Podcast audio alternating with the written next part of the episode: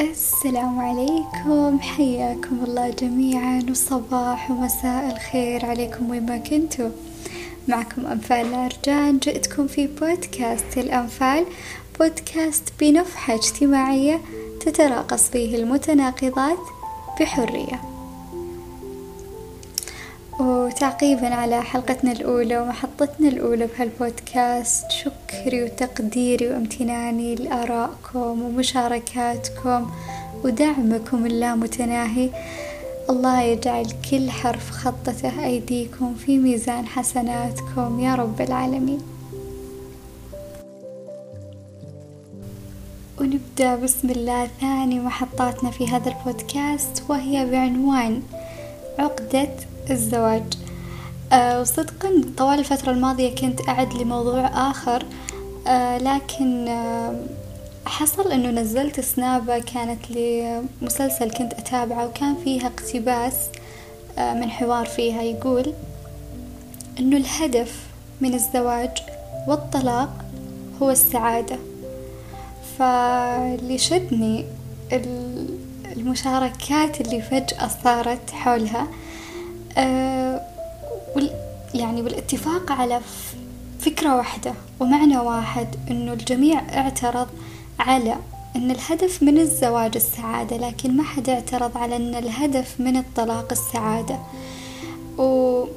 ويمكن تكون لأنه إحنا صرنا بديهي إنه ما في أحد يتطلق إلا يدور سعادة لكن هل إحنا ما زلنا في أفكار وقناعات وقواعد يعني عثى عليها الزمن من فكرة أن الزواج دائما بؤس ودائما شيء سيء. هل إحنا ما زلنا نتبنى تجارب غيرنا في على قولتهم شيء جعله الله يعني أحد سنن الله في أرضه؟ فهذا الشيء اللي شدني إنه أنا أحول مسار الحلقة الثانية وأحاول بما أوتيت إنه أنا أعجل برفع المحتوى لمشاركتكم إياها. وما يمنع إنه إحنا نرجع نفتح الموضوع مرة ثانية بجوانب أخرى حولها. وأعتقد في نفس اليوم أو ثاني يوم كان في تعليق من الدكتور خالد العساف على تغريدة قلت فيها إنه مو مهم متى تتزوجين ولا مهم كيف تتزوجين ولا وين. المهم مين تتزوجين لأنك المهم لما تقولين قد قبلت أنك تقولينها لرجل. لأنه أبدا مو صعب أن الشخص يتزوج ولا صعب أن الشخص أو خلينا نقول من ناحية البنات أن أنت ترتبطين بشخص ذو منصب ذو مال آه صاحب جاه وجميل و آه أو مشهور أو أيا كان.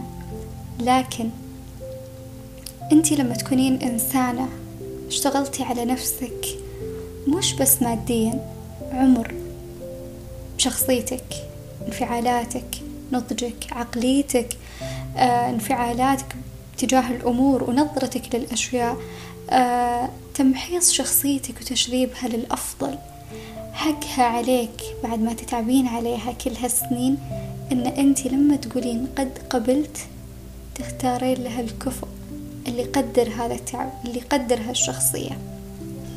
ومن وجهة نظري أنا أنفال شخصيا إن حقك على نفسك اللي تعبتي عليها إنك تختارين لها شريك حياة مو بس رجل.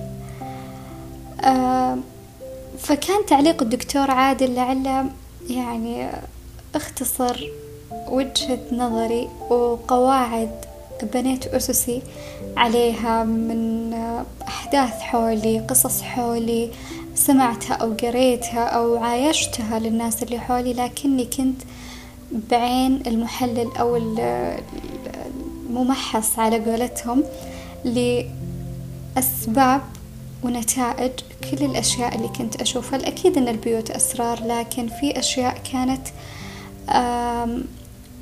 توضح وتكون عند الشخص أسس يبني عليها أو يختار فيها أو يبني عليها قناعاته خلنا نقول أو خياراته.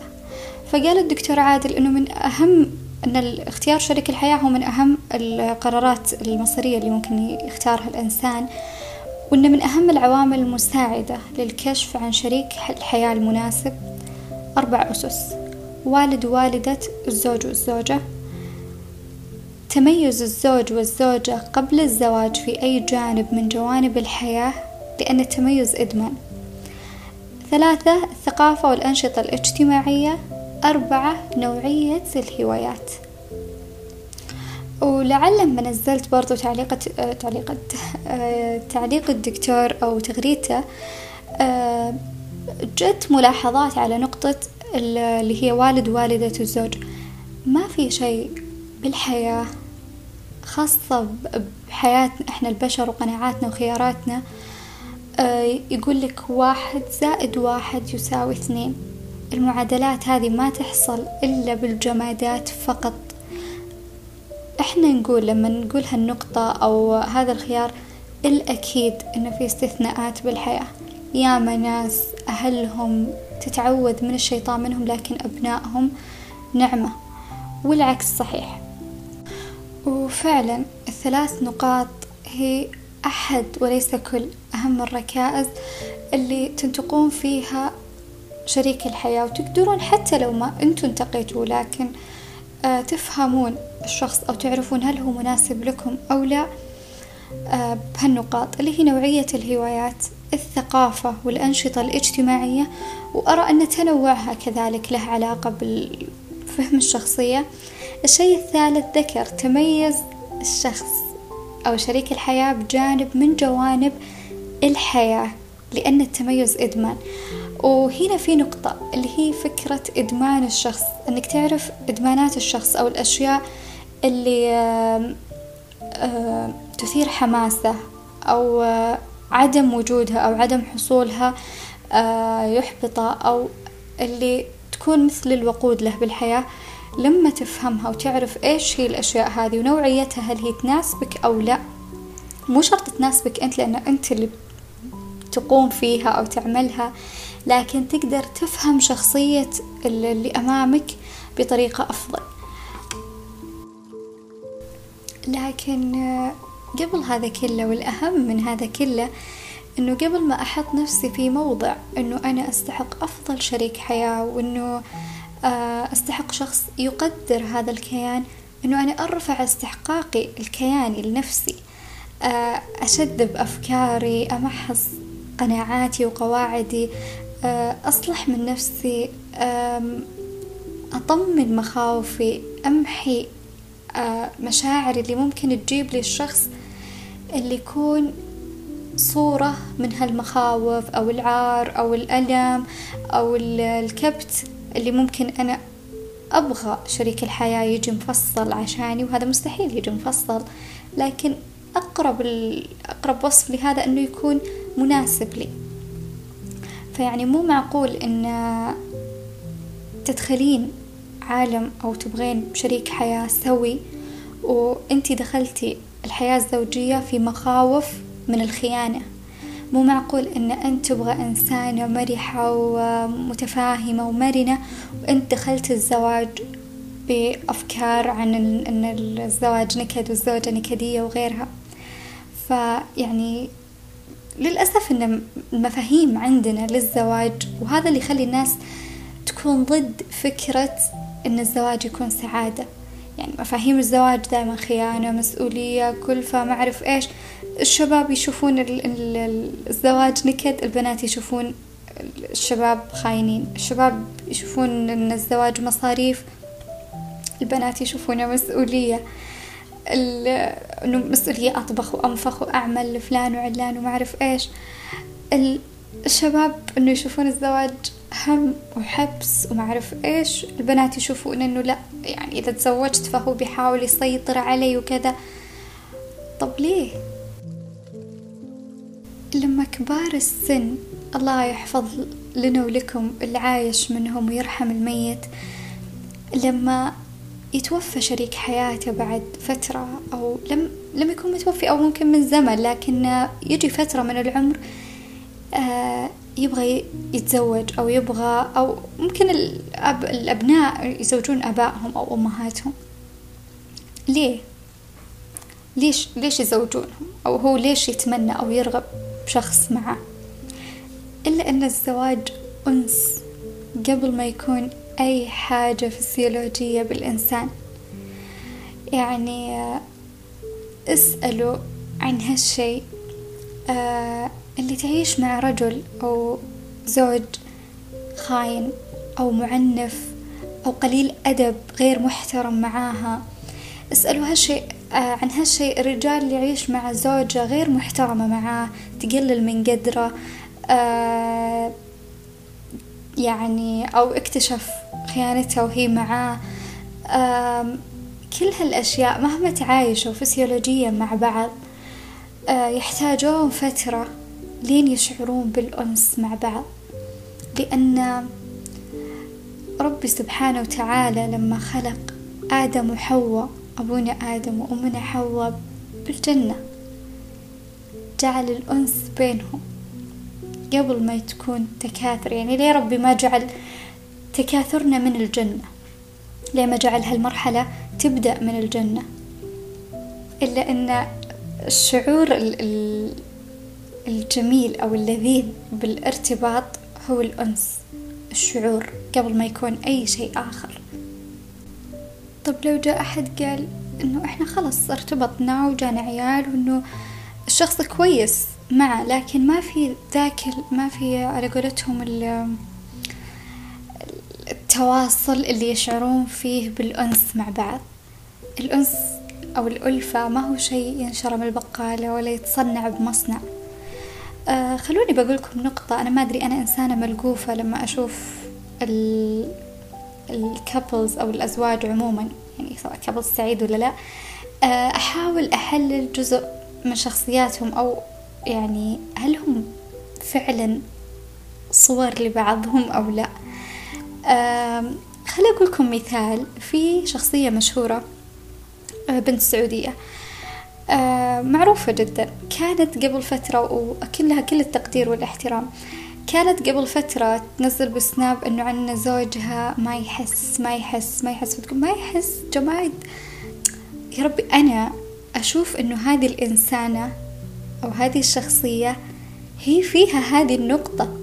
هي إي نعم جدا حنونة جدا رائعة جدا متفاهمة ومضحية أو تحس لكن بعائلتها مع عائلتها ومع أطفالها. لكن بالجانب الآخر هي قاعدة تتكلم يعني هي تتكلم عن زوجها وأنا أشوف إنها تتكلم عن نفسها. بس بعد فترة أعتقد إنه صار فيها هاشتاج أو شيء إنه مش كويس إنه تتكلم زي كذا. بعدها قطعت فترة عن إنها تفتح الموضوع. أه بديت ألاحظ هي بشخصيتها بدت حتى تقول تقول أنا قاعدة أحاول قاعدة أحاول إنها توضح مشاعرها أو تنطق مشاعرها على قولتهم.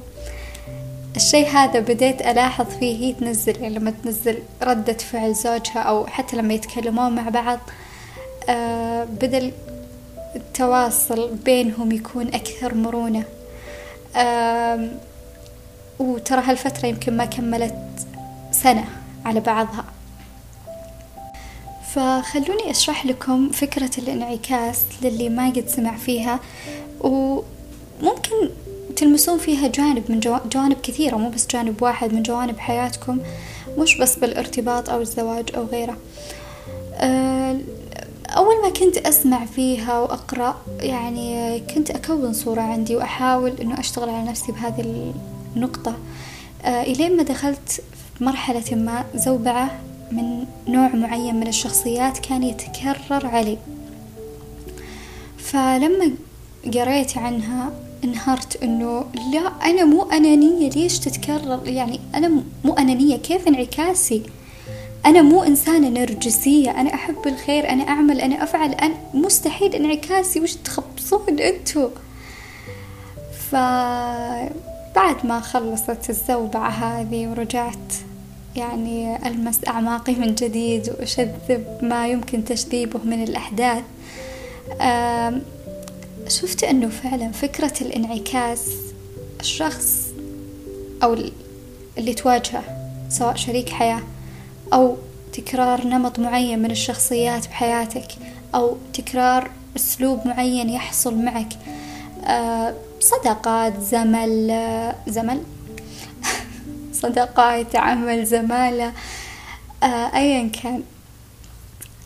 هذه الناس أو هذه الفئة أو هذه الشخصية أو هذا الطبع اللي يتكرر معاك أو شريك حياتك إما الطبع أو الشي هذا يكون فيك فهو يكون انعكاسك فأنت تحاول تتعامل معه أو يكون فيك لكن بطريقة مفرطة فانعكاسك بمعنى أنه يهذبك لأن أنت تتوازن بهذا الشيء أو أن هذا الشيء يكون ناقصك أو يكون أحد مخاوفك أو يكون شعورك بالعار تجاه نفسك تجاه شيء من شخصيتك أو من حياتك أو يعني آه، جنسيتك أو لونك أو عرقك أو شيء عيوب فيك أو بتجاربك. فهذا الشخص انعكاسك إن أنت تتعامل أو تتقبل هذا الشيء فيك أو تعالجه بداخلك. فالأكيد لما أنت تدخلين الحياة الزوجية بمخاوف من الخيانة أو من المسؤولية إنك تقومين وتفعلين وتعملين أكيد بتلقين هذا الشيء. لما أنت تدخل الحياة الزوجية بمخاوف من أن هذا الزواج راح يحرمك حياتك الاجتماعية أو راح يدخل كأهلك أيا كان الأكيد أنه راح يصير كذلك. إحنا ما نقول كونوا ملائكة إحنا نقول اشتغلوا على أنفسكم ومخاوفكم ومشاعركم. اللي قاعدة تتكرر معاكم قبل الزواج علشان فترة أو مرحلة الزواج تكون أهون أو إنكم الأكيد إن الزواج قسمة ونصيب لكن إن الله لا يضيع أجر من أحسن عملا وإحسانك في نفسك إن أنت تشتغل عليها تهذبها تشذب بقايا يعني ما عثى عليه الزمن بداخلك لأجل تستحق فرصة طيبة بهالحياة. أيضا في نقطة ترددت صراحة بإني أذكرها وأتطرق لها لكن شعرت إنها أمانة بعنقي وأرغب بجعلها بين أيديكم على قولتهم تسليمها لكل من يسمعها. آه يعني أذكر نفسي وأذكر الجميع فيها. آه وهي كانت مقطع جميل سمعته يقول إن الله لا يحاسب من يسرق الأموال فقط. وفعلا الله ما راح يحاسب بس اللي راح يسرق المال. الله يحاسب اللي يسرق المال والشعور والأمان وثقة الإنسان. ثقة الإنسان في نفسه وثقته بالإنسان الآخر. كلهم ربي راح يحاسبهم. آه يعني دائما أقول يا ويله من الله اللي يسلب ثقة وأمان إنسان في ربه اللي يخلي إنسان يوقف أمام الله ويقول يا ربي أنت تحبني ولا لا؟ يا ربي أنت معي ولا لا؟ كيف هذا الإنسان يقدر ينام بطمأنينة؟ اذكروا جميع الناس اللي أذيتوهم ويعطوهم حقوقهم. أه قريت شيء قبل فترة بسناب أو تيك توك والله ناسية يقول إنه ليش الظلام إنه ما يجيهم شيء لأنهم ما يشعرون بالتأنيب وما أعرف إيش؟ أي نعم الكون له قواعد أي نعم شعورك الدائم بالتأنيب يجعلك مستحق آه يعني للأشياء المؤلمة اللي تحسسك وتعزز هذا التأنيب بداخلك. لكن هل الله ظلام جل في علاه؟ لا والله. ربي راح ياخذ حقك. وربي ينصر المظلوم أيا كان. زوج زوجة صديق آه، مدير موظف أيا كان. فإحنا فأنا ضد هالفكرة إن لا يعني ما يتعاقبون الظلام لأنه هم ما يشعرون بالتأنيب لا راح يتعاقبون. لكن كيف؟ هذه عند الله. ف انتبه إن أنت تتخيل أو إن أنت تتخيلين إن أنت تدخل آه يعني عش زوجية لطيف مليء بالأنس والطمأنينة. وأنت أو أنتي دمرت شخص سابقا آه ظلمت آذيت هزيت كيان إنسان وكملت حياتك وهذا الشي راح ينسى. هو بحصيلة يعني أيامك لكن متى راح يظهر؟ الله أعلم. لكن الأكيد لما أنت تبغى تدخل يعني الزواج مشروع حياة. مثل مثل أي مشروع يعني إنسان يبغى يدخل تجارة وهو سارق أو ناهب أو ظالم أو أذى أو أيا كان. الأكيد إنه راح يذوق هذا الشيء. بتجارته بحياته بصحته بأيا كان بعلاقاته. فالزواج كذلك. انتبهوا من الحوبة يعني هذا مجمل الموضوع. أيضا بالكفة الأخرى مثل ما تكلمنا عن الظالم لغيره نتكلم عن الظالم لنفسه. والظالم لغيره هو ظالم لنفسه كذلك شاء أم أبى. يعني الله سبحانه وتعالى لما يقول وما ظلمناهم ولكن كانوا أنفسهم يظلمون.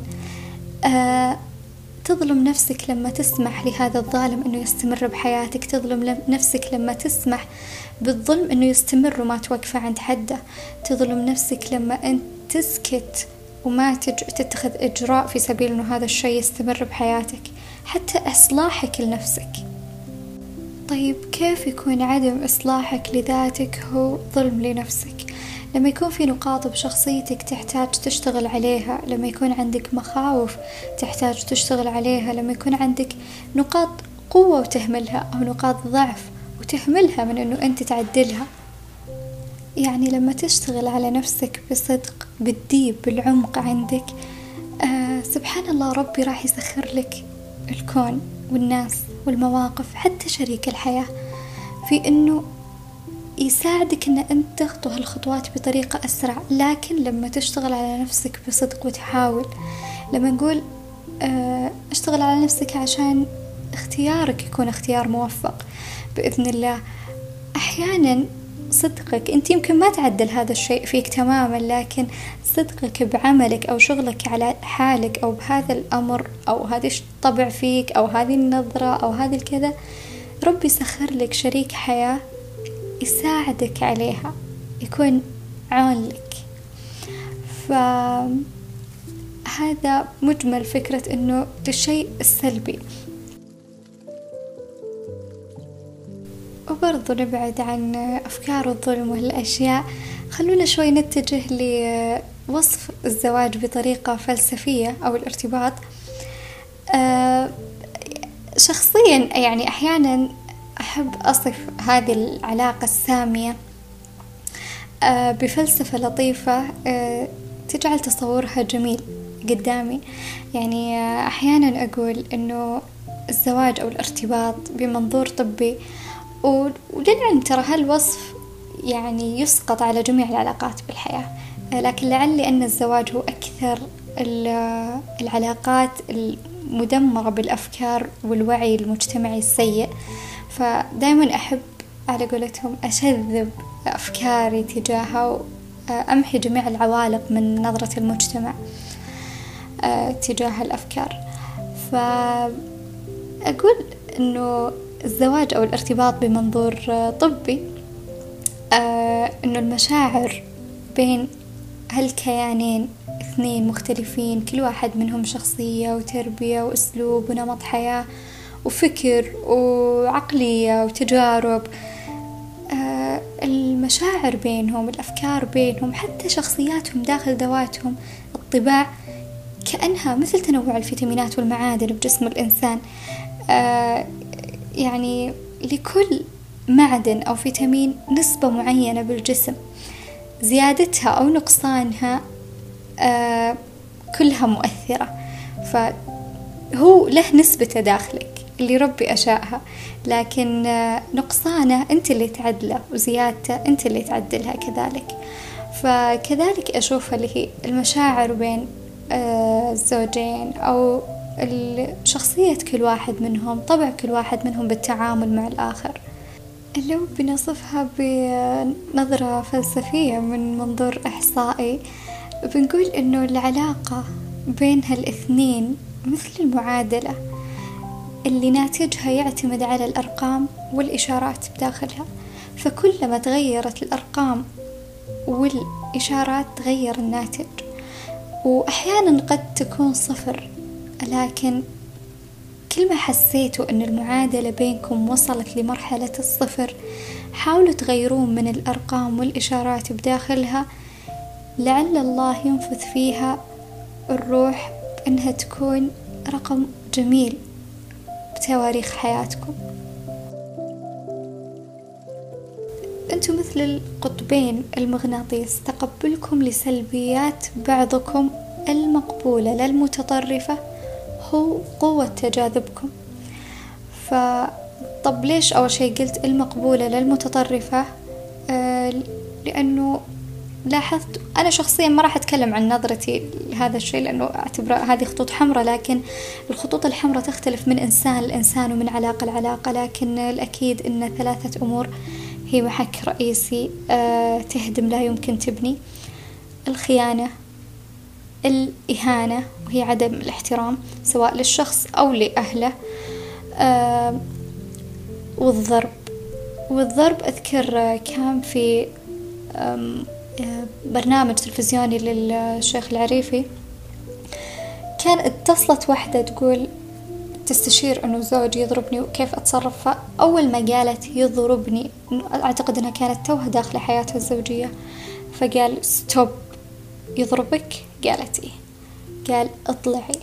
وأطلعي ما أقولها لأي واحدة قدامي يعني واحدة مثلا ما عندها بيت يشيلها أو ما عندها قدرة أنها تبني نفسها أو أطفالها خاصة إن في رجال ممكن حتى لو انفصلت ما راح يرسل النفقة للأطفال فهي يعني بتعيشهم صراع زيادة على صراعهم. آه لكن ليش دايما أذكر نقطة الضرب آه قبل الخيانة أو الإهانة؟ لأنه دايما سبحان الله الضرب يشمل الاثنين الباقين آه برضو الضرب ما يأثر بس على الزوجة أو الإنسانة هذه عليه أو على الأطفال مهما قالت أنا بصبر عشان أطفالي. آه أيضا حتى الخيانة إحنا ما نتكلم عنه هي ما راح تأثر لا. آه يعني الأطفال يبغون أم وأب أقوياء. ما يبغون أم وأب والله صبروا عشان شريك حياتهم عشانهم. لا يبغون أم وأب أسوياء عشان يكبرون صح. فدائما أتطرق لهالنقطة لأن الضرب شيء يعني مدمر في العلاقات العائلية. آه طيب نطلع شوي. آه اثنين متجاذبين بتقبلهم لبعضهم بالسلبيات المقبولة. لكن لو كانوا اثنينهم إيجابيين اثنينهم نفس بعض لا يمكن لا يمكن آه تكون بينهم لطافة الأنس بالاختلاف. آه أيضا لو بنقولها من موضوع أو بفكرة أو منظور استثماري آه الزواج أكبر استثمار في حياتك خاصة لما تبدأ بتكوين عائلة ووجود أطفال. وأعرف أن البعض يتضايق ويتحسس من نقطة أن الزواج أكبر استثمار بالحياة لكن فعلا لما ربي يرزقك شريك حياة يكون عون لك على هالحياة يكون لك كتف طيب تسند راسك عليه من هموم الدنيا يكون لك يد حنونة تمسح دموعك من أذى الحياة تحضنك من شتاتك آه شريك حياة يعني من الآخر يكون لك عون. لما يشوف نقاط ضعفك يقويها ما تستحي إنك تظهر له نقاط ضعفك لأنك عارف وتثق إنه بيقويها لك ولا نقاط قوتك لأنك وتخاف من إنك تظهرها له. إنك عارف إنه بيفرح فيها وراح يقويها لك أكثر. ف استثمارك هذا هو استثمار لجميع نواحي حياتك. ثقوا تماما رجالا ونساء. برضو البعض يتحسس من عبارة أو من كلمة يكملني أو شريك حياة يكملني شريكة حياة تكملني. خاصة محيطنا إحنا النساء يمكن بكثرة من باب إنه أنا كاملة ما أحتاج أحد يكملني آه، أنا ما أحتاج رجل يكملني. خلوني بس أوصفها بطريقة شوي يعني فلسفية. البازل أو لعبة التركيب لما تركبين ثلاثة أرباع الصورة بتفهمينها بتعرفين إيش هي الصورة صح ولا لا؟ يعني بتكون مكتملة بنظرك وواضحة وجميلة خلاص عرفتي إيش هي بتحبينها. لكن إتمام باقي القطع يضيف لها جمال على جمالها. تشعرين برضو بلذة إنجازك فيها بمجرد ما وضحت هالصورة. يعني كذلك نفسك شخصيتك روحك عقليتك كل ما وضحت تفاصيلها لك إي نعم بتحبينها أكثر بتفهمينها أكثر بتتقبلينها بعيوبها أكثر. لأن صورتك كيانك صار واضح. من انتي مين؟ إيش طبعي؟ إيش أحب؟ إيش أكره؟ آه، إيش نقاط قوتي؟ إيش نقاط ضعفي؟ آه، إيش الأشياء الحلوة فيني اللي حلوة للمشاركة؟ بأي قدر أشاركها؟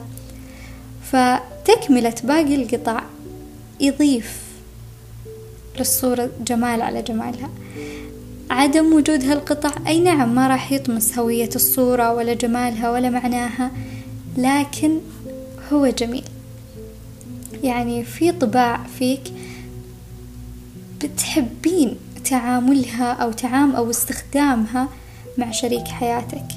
آه بعض التصرفات جميلة لما تكون مع شريك حياتك. أي نعم أنت مكتفية فيها لما توفرينها لذاتك لكن بتكون ألذ وأجمل وأسعد لما تكون مع شريك الحياة. وتذكروا دايما أن الزواج فعلا مثل الغوص. كل ما غصت أكثر كل ما اكتشفت أكثر. وبرضو لو تغوص بخوف بيرعبك كل شيء راح تكتشفه.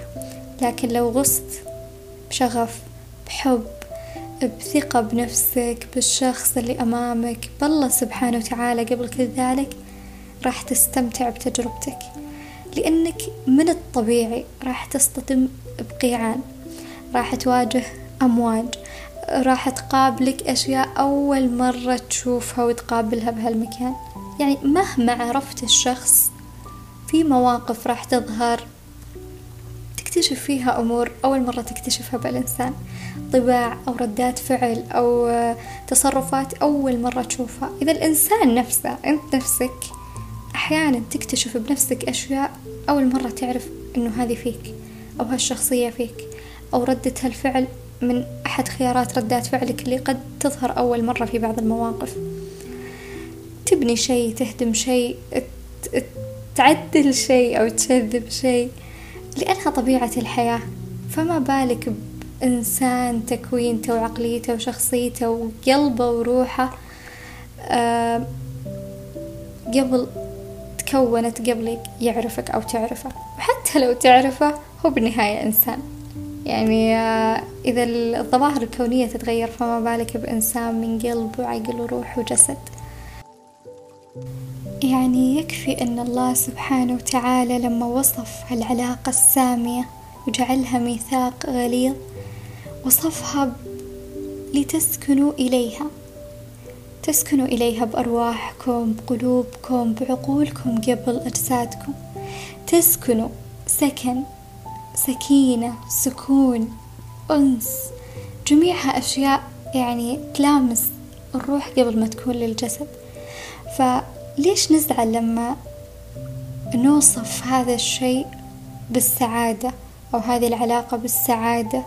هل وصلنا لمرحلة أننا صرنا نستكثر فيها السعادة بأحد السنن الكونية اللي ربي خلقنا عليها اللي ربي أوجدها في أرضه؟ يعني هل هذا بسبب هشاشة أفكارنا تأثرنا بنماذج سلبية أو معتقدات يعني من مواقف أكيد ما راح ما في معتقد أو فكرة بتجي من العدم. الأكيد إنها تأثر من شيء معين. أو ردة فعل تكون عنيفة صادرة من اللاوعي من هالأحداث اللي إحنا ممكن نكون نسيناها آه، أقارب قصص نسمعها أهل أيا كان. فإذا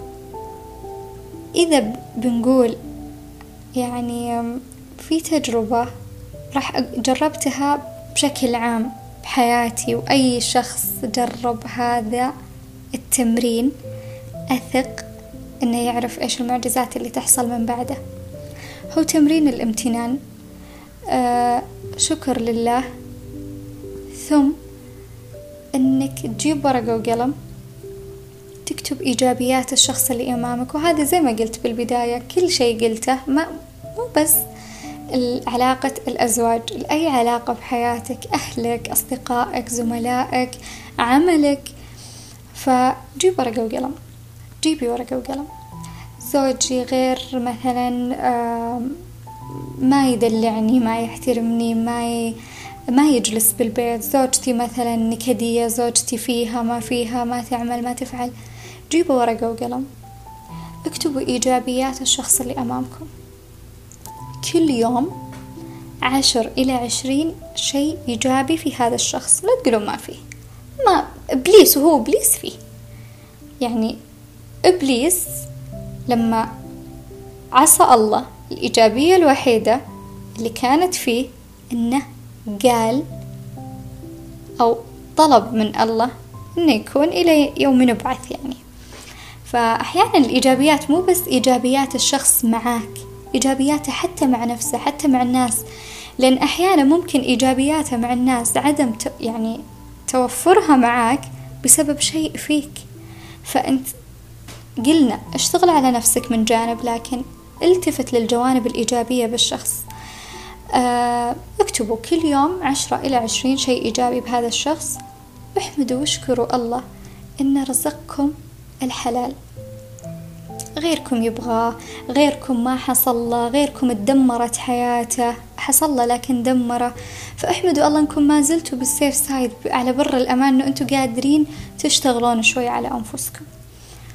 وأكيد الدعاء يعني هو يعني قلب العبادات وقلب أي معجزات. دعاء الاستغفار الحوقلة. لكن لما نبغى نتكلم عن شيء أنت تسويه قلنا شيء بذاتك وشيء آه مع شريك حياتك. فبعد واستمروا يوميا أهم شيء. بعد ثلاث أربع خمس شهور أتمنى تلاحظون أو إيش التغير اللي طرأ على هذا الشخص أو هذه العلاقة أو هذه النقطة أو هذا العيب اللي أنتوا كنتوا مركزين عليه. فهذه تجربة شخصية. ودائما أقرأ عنها صراحة. في ناس طبقتها بأشياء اللي جربها بوظيفتها اللي جربتها مع أهلها اللي جربها مع كذا. فجربوها ومتحمسة كثير لتجاربكم الجميلة. آه إذا أبغى أنهي هذا البودكاست بشيء فهو اسألوا الله السؤال الصح. كيف ممكن نلمس أعمق نقطة بداخلنا يا الله؟ ونجعلها في وداعة رحمتك وحكمتك ولطفك ونورك. كيف ممكن نستبدل مشاعرنا وأفكارنا وقناعاتنا المغلوطة تجاه الارتباط وشريك الحياة إلى أفكار ومشاعر وقناعات منيرة مليئة بالنور والثقة فيك والسلام. عيشنا يا الله شعور اليقين فيك. وعيشنا يا ربي شعور لذة الإجابة بقد جعلها ربي حقا. بشعور وآتاكم من كل ما سألتموه. إيش هي الأبواب يا الله اللي يطرقها المرتبطين فينا؟ تصلح فيها حالهم وحياتهم بقدرتك ورحمتك وحسن تدبيرك يا الله. وإن الغير مرتبطين تهيئهم بالمشاعر والأفكار والأطباع والقناعات. اللي تهيئهم لأفضل احتمالاتهم وأيسرها وأسعدها. ارزقنا يا الله لذة الحب الحلال والرضا فيه والود والرحمة مع شركاء حياتنا يا الله. أسأل الله أن يذوقكم لذة قد جعلها ربي حقه في كل ما تتمناه أنفسكم. ونصيحة أخيرة إن الله لا يضيع أجر من أحسن عملا. أحسنوا ذواتكم تحسن حياتكم.